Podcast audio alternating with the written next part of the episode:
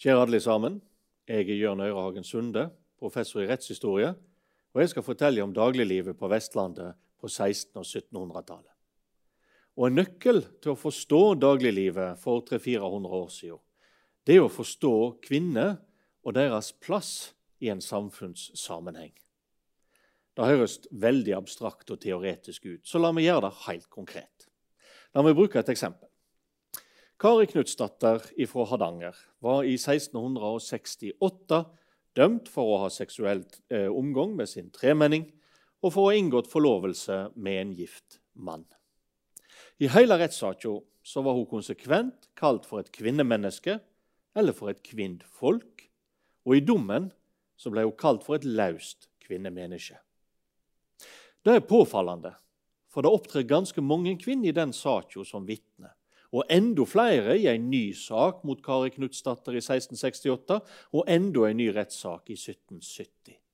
Men ingen av disse kvinnene er kalt for et kvinnemenneske eller for et kvinnfolk.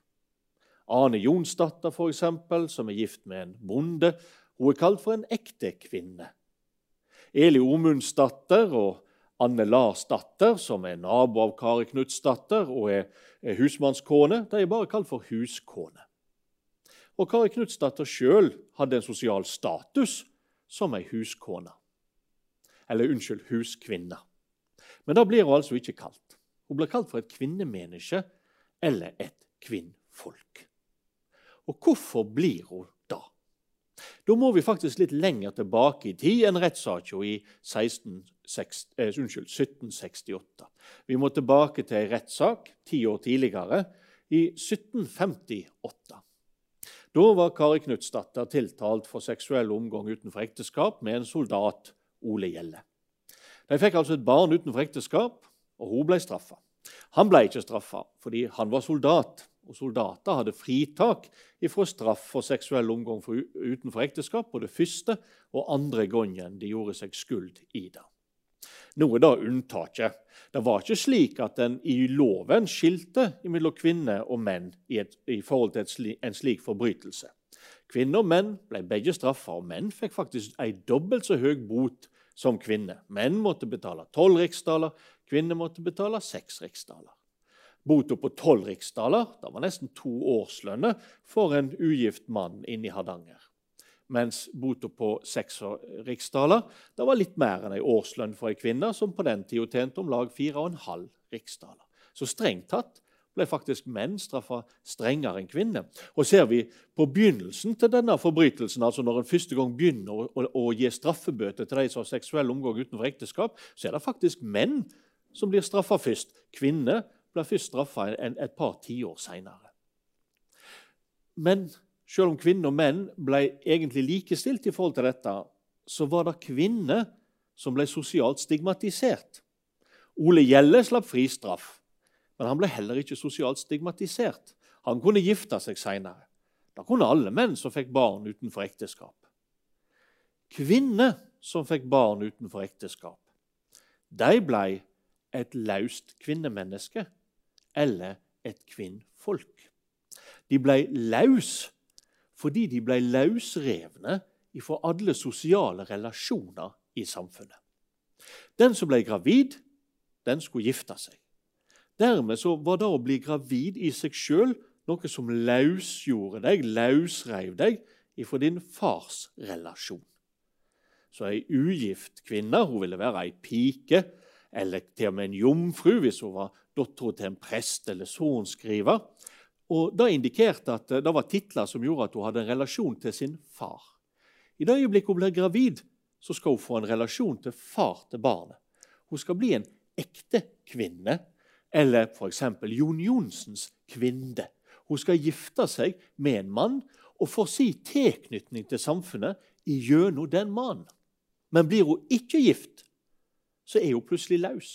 Hun er løsreven fra far sin, men hun har heller ingen fast relasjon til en mann. Hun eksisterer bare i kraft av seg sjøl. Hun eksisterer bare i kraft av å være et menneske, kvinnemenneske. Eller så kan du si at hun tilhører ingen og alle. Hun tilhører folk. Da blir ei kvinne sin situasjon. Og ei kvinne som må eh, få barn utenfor ekteskap, Hun må da, til liks med en mann for så vidt, stå åpenbart skrifte. Det vil si at hun må stå framme i kirka og bekjenne for hele kirkelyden hva synd hun har gjort seg skyld. På den måten blir det òg synlig for alle at hun ikke er en person å stole på. Men det rammer igjen kvinner hardere enn menn. Hvorfor da? Fordi det er mye mer alvorlig med ei kvinne som får barn utenfor ekteskap. For hun har vist at hun kan ha seksuelle relasjoner uten å være gift. Som betyr at selv om hun ble gift, så kan hun altså ha seksuelle relasjoner med andre enn sin ektemann. Som betyr at hun i ekteskapet kan bære fram et barn uten at en kan være helt sikker på hvem som er faren. Da er det som gjør at dette sosialt er så mye mer alvorlig for ei kvinne enn for en mann. Og mens du for en mann ikke har en term det, Mannfolk er ikke en term en bruker i tingbøkene på denne tida, altså i rettsprotokoller på denne tida, men en bruker altså termen kvinnfolk eller kvinnemenneske. Da at du har en term for kvinner som på den måten har stilt seg utenfor samfunnsrelasjonene, forteller egentlig det meste om hvordan en behandler dette sosialt. Altså I loven er en likestilt, men både sorenskriver, FUT og alle i lokalsamfunnet de behandles like kvinner annerledes. De er på en måte utstøtt. Og Det har jo med dette med å få barn utenfor ekteskap, som var en slik alvorlig forbrytelse. For kongen var det en alvorlig forbrytelse fordi det gjorde Gud arg. Og hvis en ikke straffa forbrytelser som gjorde Gud arg, så ville Gud la sinnet sitt gå utover hele samfunnet. Men for, for i sosialt, i lokalsamfunnet var det altså en alvorlig forbrytelse, for ei kvinne hadde vist at hun ikke var til å stole på. Og Dermed ble hun ofte ikke gift. Kari Knutsdatter sjøl skulle holde fram i en relasjon som et laust kvinnfolk. Altså ei kvinne som hadde seksuelle relasjoner med ulike menn, og ble gravid med flere, men som aldri ble gift. Og hun var slettest ikke den eneste.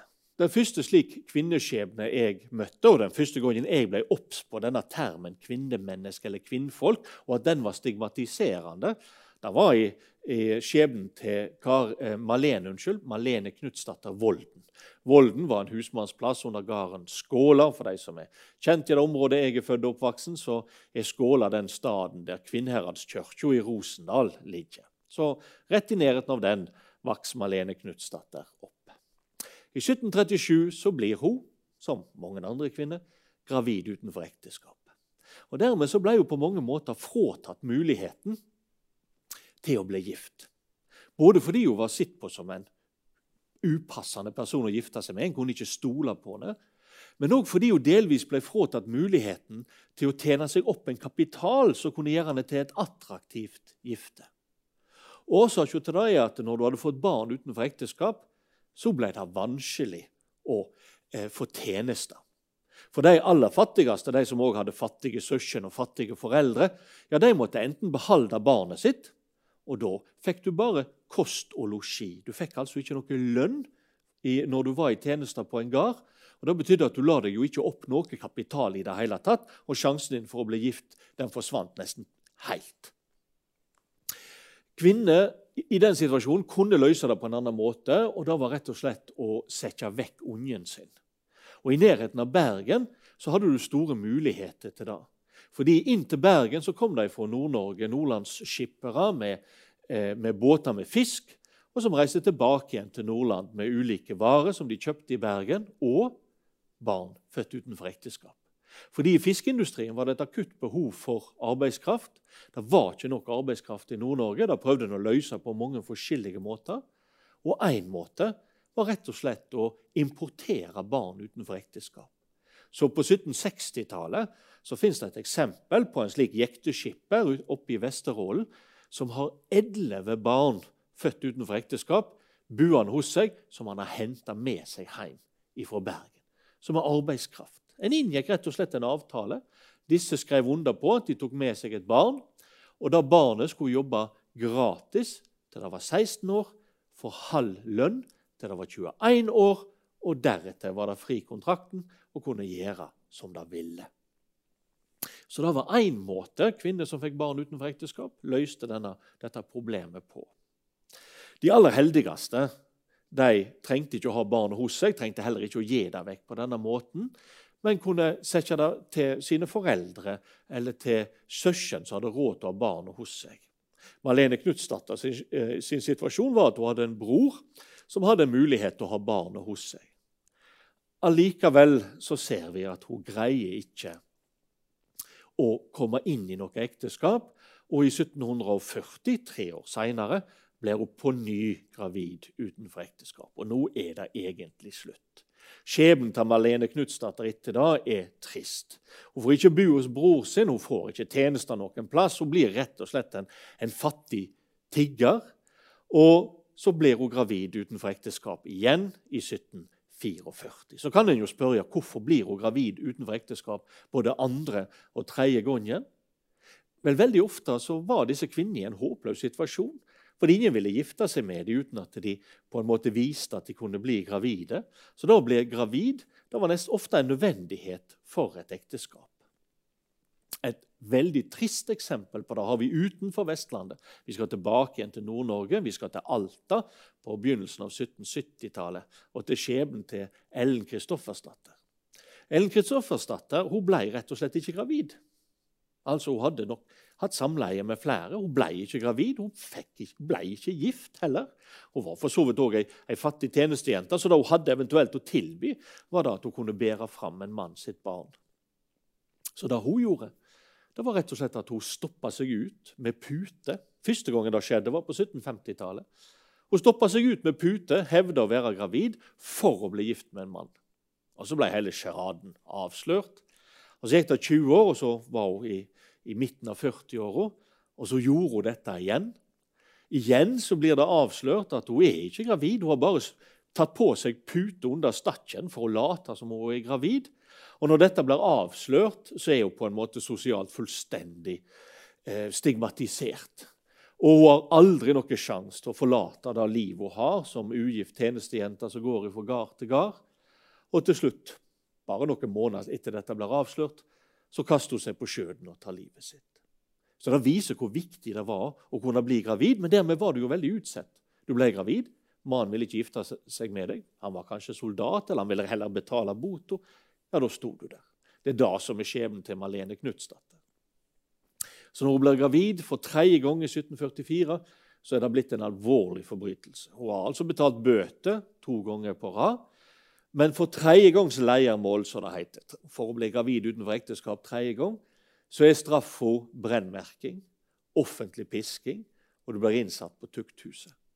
Så når lensmannen kommer for å hente Malene Knutsdatter i 1744 på gården Myklebust i Uskedalen, ja, så springer hun ned til elva og kaster seg ut i den og drukner seg. Og Dermed er hennes skjebne forsegla. Det var altså en trist skjebne mange av disse kvinnene fikk, men ikke alle. Vi har et eksempel ifra, med Dordi Sakariasdatter Furuhovde, hun ble gravid med stefaren sin, noe som var en alvorlig forbrytelse. Da ble gravid med sin stefar, ble regna på lik linje som hun ble gravid med sin far i lovens forstand. Og det var dødsstraff både for stefaren og henne. Begge ble dømt til dette, men så ble de benåda av kongen i København. Det vil si, kongen i København så nok aldri Sacho, men i hans administrasjon fantes det et eget råd som behandla slike benådningssaker. Ludvig Holberg er bl.a. berømt for å sitte i det rådet og sjelden vilje gi nåde til de dømte forbryterne. Men Dordi Sakariasdatter blir benåda. Hun sitter heller i tukthuset i Bergen i en periode.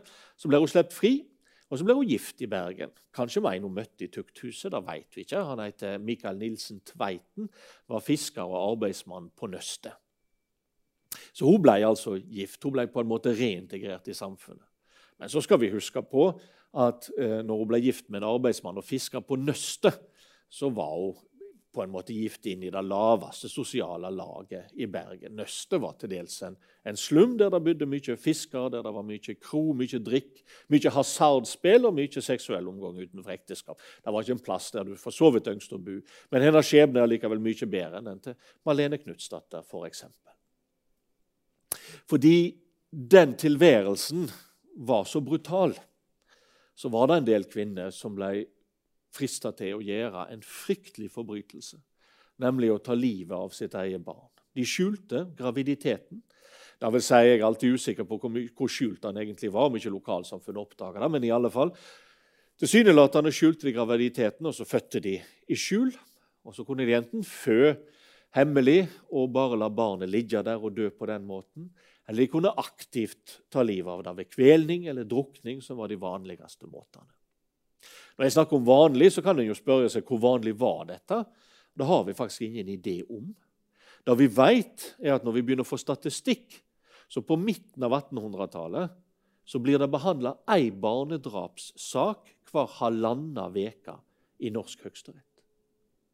Og da må vi huske på at For at en barnedrapssak skal bli behandla av Høyesterett, så må det bli oppdaga og anmeldt. Det må bli etterforska, det må bli tatt ut tiltale. En må bli dømt i første instans, og så må en anke dommen slik at en til slutt blir dømt i Høyesterett. Altså de sakene som vi ser i Høyesterett, og som er så mange at det er én sak per halvannen uke i løpet av året midt på 1800-tallet, de sakene er bare toppen av isfjellet. Det var nok en god del mørketall. Hvor mange? Det har vi altså ingen idé om. Men det vi nokså sikkert kan si, er at dette er den aller, aller største drapskategorien i norsk rettshistorie. Som betyr at det var en del kvinner som skjulte sin graviditet og tok livet av sitt barn. Da var en totalt stigmatiserende forbrytelse, selvsagt. Da ble du virkelig et laust kvinnemenneske eller et laust kvinnfolk. Og da, Selv om du bare ble beskyldt og mistenkt for det. Et veldig tragisk eksempel har vi på Osterøy. I 1793 så skal Marte Mogensdatter ha født et barn utenfor ekteskap og tatt livet av det. Da si, da sa bygderyktet. Det fantes ikke noe bevis for det, men seks år seinere, i 1699, ble det tatt ut tiltale. Hun ble stilt for retten. Hun tilsto ikke. Og så ble hun rett og slett utsatt for ja, vi kan kalle det tortur. Hun ble sperra inn i et rom med ville hunder fram til hun tilsto. Og når hun endelig hadde tilstått, så ble hun dømt. Dømt til døden, som var straffa for den forbrytelsen. Nå var det slik at hadde, Omstendighetene rundt tilståelsen de kom opp når saka ble anka til lagmannen i Bergen, og senere når saka ble anka til overhoffretten i Kristiania, som var den høgste domstolen i Norge. Og Det som skjedde, var jo selvsagt at en tilståelse framkalt under tortur den gjelder ikke. Hun ble derfor frikjent, mens både sorenskriveren og Futen mista jobben sin for det de hadde gjort imot henne. Men hva blir skjebnen til Marte Mogensdatter? Både lagmannsretten og overhoffretten i Kristiania ikke bare sier at tilståelsen er framkalt under tortur, men det finnes ingenting ellers i saka som indikerer at hun er skyldig. Hun var uskyldig. Men i 1712, 13 år seinere, finner vi Marte Mogensdatter på Osterøy.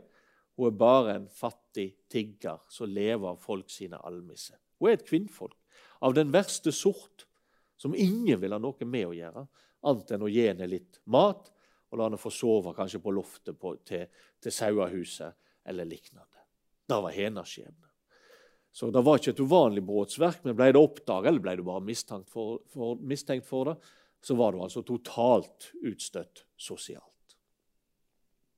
Men det var ikke bare de som fikk barn utenfor ekteskap, som ble et kvinnfolk eller et laust kvinnemenneske, fristilt fra alle relasjoner. Det fantes to andre eh, forbrytelser som gjorde at hun kom i samme kategorien. Eh, og de var like for menn og kvinner. Men igjen så er det altså bare kvinner som blir et kvinnfolk eller et kvinnemenneske. For menn har en ingen slik benevnelse som indikerer at du har gjort deg skyld i en sånn forbrytelse. Og Den første av disse forbrytelsene er tyveri. Både kvinner og menn som gjorde seg skyld i tjuveri, stilte seg helt utenfor samfunnet og utenfor rettssamfunnet. Dette er det en lang tradisjon for i Norge. Den går helt tilbake til, til mellomalderen. Der var det en regel i Gulatingsloven som gjaldt her på Vestlandet, som bl.a. sa da at hvis du fant noen på tunet ditt med en bylt på ryggen, og du kjente ikke vedkommende, så kunne du slå vedkommende i hjel. Altså, Da presumerte en at vedkommende var en tjuv som hadde stjålet fra et av husene dine, og straks kunne du ta livet av vedkommende. Fordi med en gang du er en tjuv, så står du utenfor rettssamfunnet. Det er ikke engang behov for en rettssak. Du kan bare slå vedkommende i hjel. Og Hvis en f.eks. stal mat, en stal eple eller en stal løk eller melka kyrne på beite, så hadde en òg stilt seg utenfor rettssamfunnet. Trengte ikke noe rettssak. En trengte bare, en kunne stille vedkommende opp, og så ble vedkommende torva. Det er, nok, det er en litt mildere form for steining, men du kunne dø av det. Det heter i loven at vedkommende skal torves, og hvis vedkommende kommer derifra i live, så er det bra. Underforstått da er det ikke sikkert vedkommende gjør det. Og hvis du stjal mer mat enn det, du stjal f.eks.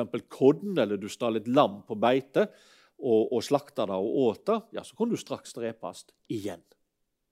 Sånn at uh, det vi ser, det at da å, å gjøre tyveri da stilte deg utenfor rettssamfunnet. Tradisjonelt i norsk rettshistorie. Da var det slutt på med landsloven i 1274. Men ideen levde videre og ei kvinne som gjorde seg skyld i tyveri. Hadde stilt seg utenfor rettssamfunnet, og hun ble et kvinnemenneske eller et kvinnfolk. Et eksempel på dette har vi fra år 1800. Anne Karine Nilsdatter er da utenfor Bergen. Hun hadde altså gått forbi Rotthaugen skole og ned i Sandviken. og Der var det en butikk som var eid av madam Gørwitz, som solgte klær. Altså, da ikke klær som ferdigsydde klær, men klede til å sy klær av. Og Hun sto der og studerte klær, og så så hun sitt snitt til å stjele to stykker. Så ble hun oppdaga av eh, en handelsbetjent, Friedrich Lytzke, som rett og slett tok henne med i kjelleren, ga henne litt juling og lot henne gå. Men der ser vi. Uten lov, uten dom. Akkurat som i mellomalderen.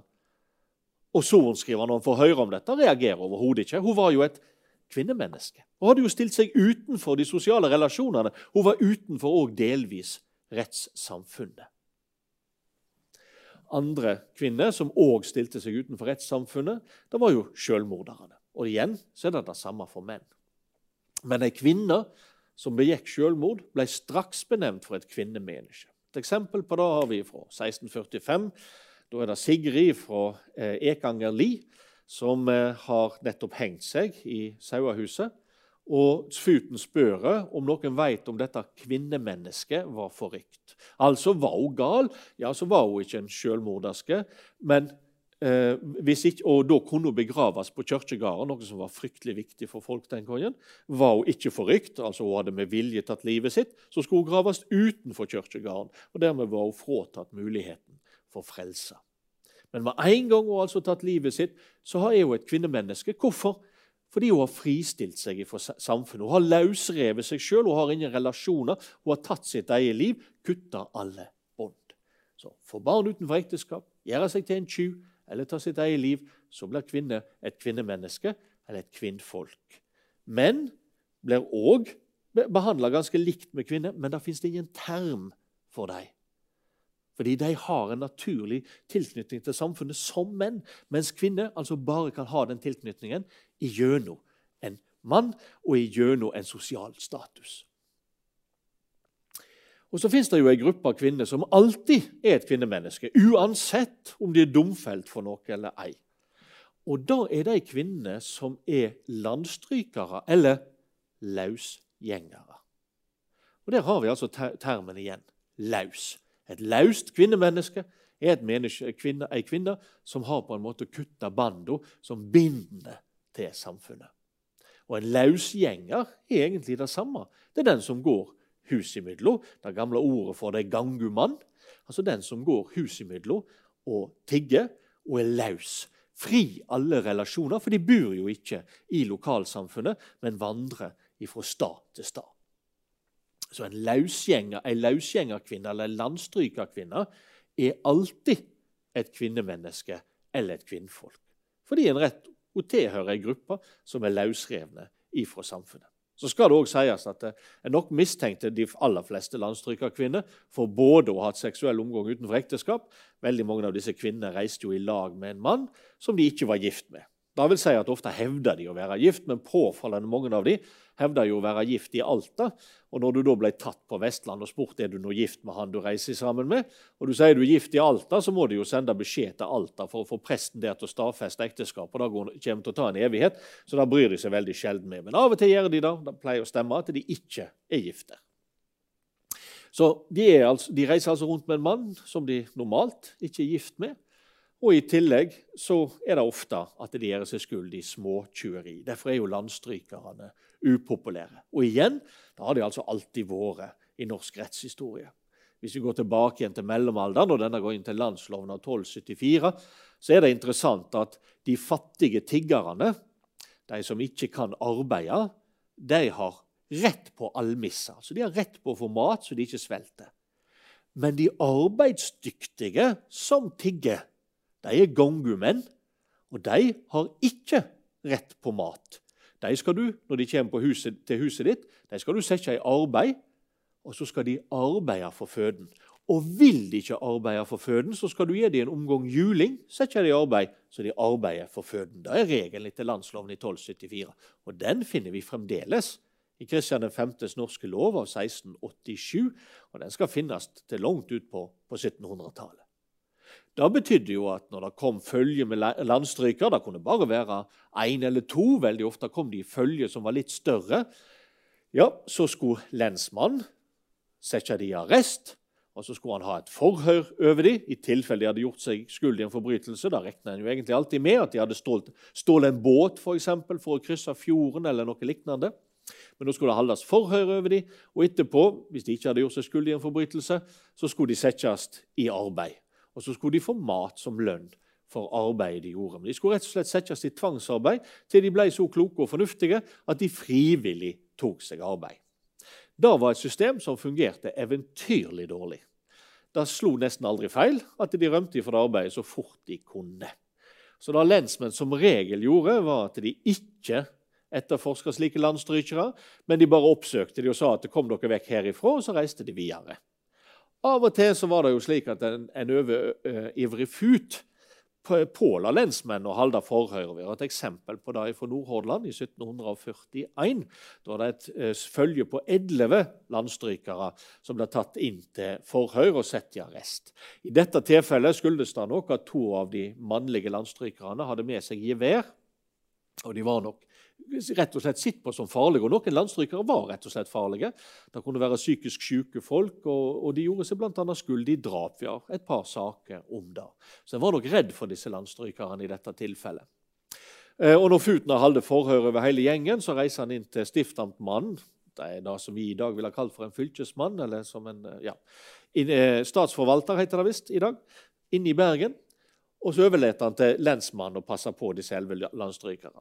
Og det lensmannen gjør, det lensmannen pleier å gjøre, han slipper de ut og ber de reise så langt vekk som overhodet mulig, noe de straks gjør. En av disse landstrykerne det er Lars Svendsen. Han er egentlig svensk. Men han er sier han, gift på Ringerike med Anne Halvarsdatter. Og De to har reist i lag. De har vært i en, i en periode i lag med dette følget på, på Edleve, men veldig ofte så reiser de alene. Og de tilhører en type landstrykere som en yngste på landsbygda. Fordi de kunne et håndverk. Lars Svendsen var skredder. Han må ha vært en dyktig skredder, for han var tatt inn i huset til presten i Strandebarm, som eh, hadde latt han gjøre arbeid for seg i en periode. Han reiste fra gard til gard i lag med kona si, hvis hun virkelig var kona. Det er litt vanskelig å vite. Og så gjorde de ulikt slikt syarbeid. Og En del av disse landstrykerne de var helt nødvendige på landsbygda, for de gjorde arbeid som trengtes. Blant annet så flådde de kadaver, altså flådde døde dyr og begravde døde dyr. Da var det landstrykerne som gjorde. Andre jobber de gjorde, var å skjære hestehover eller flikke kjeler. Og Noen av disse landstrykerne reiste faktisk faste ruter. så De begynte gjerne i Sunnfjord, reiste sørover til og med eh, Sunnhordland, og så reiste de tilbake igjen ei anna rute.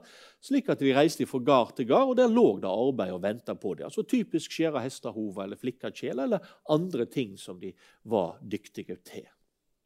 Så landstrykerne de var en del av økonomien, egentlig. Og Ofte så bodde de på gårdene der de jobba, eller de bodde hos husmenn nede i Elvaosen. For nede i Elvaosene der bodde det alltid husmenn, for der var det løsarbeid. Husmenn av den typen, de som nesten ikke hadde jord, men levde av løsarbeid, de var de lågeste i samfunnet. Nesten på linje med landstrykerne, bare at de var bufaste og dermed til å stole på. De var ikke løse. Landstrykerne var jo løsgjengere. De var løsrevne fra samfunnet. Men de var nå noenlunde samme sosiale sjikt, og de bodde ofte i lag.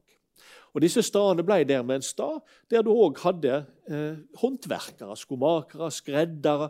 Og så kom landstrykerne med sin spesialkunnskap. Men det var òg andre ting som skjedde der. Og det var kulturutveksling, rett og slett. For noen av disse landstrykerne de var kjent som gode musikere. Det gjaldt både kvinner og menn. En av mine favoritter er jo Spille-Brita, som eh, bodde hos en husmann på Åkra helt sør i, i Sunnhordland. Og som, eh, som, reiste rundt tydeligvis og spilte for folk og tjente penger rett og slett på det. Så Blant disse landstrykerne finner vi også altså folk som, som driver med musikk. Og De bodde gjerne hos husmenn. da, og På Åkra for eksempel, så bor Spille-Brita. Og da er det klart at da har eh, husmannen forberedt at hun skal komme, for da blir det dans og det blir fest. Så han har brygga øl, og så lever han lite grann et par uker som en nærmest en sånn adhoc vertshusholder og tjener litt ekstra penger på det, og så reiser hun så videre. Så disse landstrykerne de hadde en funksjon. Men, og De får stort sett være i fred, som sagt. Det er en, en og annen overivrig fut, og det er først og fremst når de blir sett på som farlige, og noen er farlige at en griper inn. Ellers er de en del av økonomien, og de får være i fred. Fordi de er løse, så får de leve livet sitt som de vil. For eksempel så er de normalt ikke gift. Og noen av dem reiser jo rundt eh, og har tydeligvis i bigamiske forhold. Altså En av mine favoritthistorier er jo eh, Eilert Sund som beskriver når han, Dette er jo midten på 1800-tallet, så det er etter den perioden jeg egentlig forteller om. Men han reiser rundt med en fant som eh, seiler rundt i fjordene i Ryfylke. Og han seiler rundt med to søstre som han tydeligvis er et bigamisk forhold til. Og Så tar han om bord ei tredje kvinne som han gjør gravid. Da reiser Eilert Sund og rapporterer det til lensmannen. Eilert Sund, som var teologisk utdannet, kunne ikke holde ut en slik moral. Men han holdt altså ut at denne fanten levde med to kvinner. Og Det var fordi ingen brydde seg egentlig. Disse var allerede løse, og dermed fikk de leve hva liv de ville. De drev med felespel eller skar hestehover. De levde egentlig et ganske fritt liv i forhold til bøndene. De på mange måter utnytta fordelene med å være løs. Det var annerledes for de løse kvinnene. For De løse kvinnene de var ikke fri, slik landstrykerne var, for de var knyttet til en lokalitet. De var løs i, men fastboende. Og Dermed fikk de egentlig det verste av to verdener. Og de var altså delvis utenfor rettssamfunnet. Og det var ikke bare sosialt, det var òg rettslig. Loven behandla det ikke spesielt. Det finnes ingen særlige regler i lovbøkene for løse kvinnfolk eller kvinnemennesker. Men hvis vi ser på den juridiske litteraturen, så ser vi at en skulle tolke lovene slik at de skulle behandle annerledes. En av de fremste juridiske forfatterne på 1700-tallet er høyesterettsadvokat Christian Brorson, som utga sine bøker på 1790-tallet. Og Så seint så behandler han fremdeles kvinnfolk annerledes enn andre kvinner når det gjelder voldtekt. Da å voldta ei kvinne var dobbelt så alvorlig som å voldta et kvinnfolk. Et kvinnfolk var altså sjøl for Christian Brorson delvis sett utenfor rettssamfunnet. Men, det, men det er seint, fordi på den tida hadde ting begynt å forandre seg. Det begynner som så mye annet på 1700-tallet, rundt 1770, og så akselererer det på 1790-tallet. Og Det som skjer, det er at staten begynner å bli en aktør i folk sitt liv. Før så har de aller fleste relasjoner vært imellom folk. Staten har bare lagt ting til rettes for at de relasjonene skal kunne løses. Og hvis de ikke kan løses, så skal rettssystemet behandle dem. Når vi ser på 1770-tallet, og ikke minst fra 1790-tallet, det er at staten blir en aktør. Og borgere får rettigheter av staten når det gjelder deres sosiale tilværelse. Staten skal sikre folk trygghet, sikkerhet, i dagliglivet. Denne ideen som sagt, om medborgerskap og dermed rettigheter i forhold til sine medborgere og i forhold til staten, vokser veldig langsomt fram. Men det betyr enormt mye for kvinnemennesker og kvinnfolk. Så mens kvinnfolk utelukkende er en negativ betegnelse på 1700-tallet, så ser vi at når Ivar Aasen skriver i sin ordbok om kvinnfolk midt på 1800-tallet, så kan en òg har positive konnotasjoner. Og det har den jo i dag, når vi snakker om et grep av kvinnfolk. Men det skjer altså fordi staten langsomt går inn, og da er det ikke så alvorlig at disse kvinnene får barn utenfor ekteskap. Fordi det er ikke bare i en sosial relasjon til sine medmennesker. Men staten kommer inn og gir de visse grunnleggende rettigheter. Men ikke minst gir de en relasjon. Du har alltid en relasjon til staten, selv om du har kutta relasjon til din far, og du ikke har en mann som du kan få en ny relasjon til. Den måten å tenke på den etablerer seg forsiktig i løpet av de siste ti årene av 1700-tallet og skal virkelig begynne å manifestere seg i samfunnet på 1800-tallet. Men dette tar tid, spesielt når det gjelder kvinner som får barn utenfor ekteskap. Ja, de skal få et minimum av rettigheter etter hvert, men ikke i forhold ikke sosialt. Det tar veldig mye lengre tid. Og Det har vært et lite poeng her. Sant? Loven behandler ikke nødvendigvis kvinner dårligere enn menn, men sosialt har de blitt behandla dårligere enn menn. Hvis vi ser på lovgiver, faktisk, så går han første gang inn og prøver å gjøre situasjonen bedre for kvinner som får barn utenfor ekteskap, allerede i 1765. For da innfører han, og det er voldsomt radikalt, barnebidragsplikt for menn som får barn utenfor ekteskap. Noen plasser ser vi at den faktisk blir betalt. Vi har eksempel, to eksempel fra Hardanger, vi har et eksempel fra Nordhordland. Men i de aller fleste tilfeller så blir ikke disse barnebidragene betalt. Hvorfor? Fordi Futen, sorenskriveren som skal sikre at dette faktisk blir gjort, de har sympati med mannen, ikke med kvinner, ikke med kvinnfolk eller kvinnemennesker. Og Derfor er de lite villige til å bidra til innkreving av slike barnebidrag. Så Intensjonen med barnebidrag blir egentlig ikke realisert etter 1765. Det ble innskjerpa i 1821, ble fremdeles ikke realisert. Den ble først realisert i, i 1896 eh, og ikke minst i 1915. Men det vi ser er at Staten her prøver å gå inn, prøver å hjelpe kvinner, men sosialt så stritter en imot. Og Det gjør jo at barnedrap fremdeles er en stor drapskategori på midten av 1800-tallet og avtar ikke før barnebidragspliktordninga blir effektiv. 1896-1915, typisk. Så kvinner som får barn utenfor ekteskap, de skal være et kvinnemenneske, et kvinnfolk, i lag med kvinner som stjeler, eller kvinner som tar sitt eget liv. Og Dette gjelder for hele 1700-tallet. Skal ting bli litt bedre for kvinner som får barn utenfor ekteskap på, på slutten av 1700-tallet, og vi ser endringene når vi ser måten kvinnfolk blir brukt på. Men det skal altså ta hele 1800-tallet før du går fra den rent negative til at du begynner å få en rent positiv forståelse av hva et kvinnfolk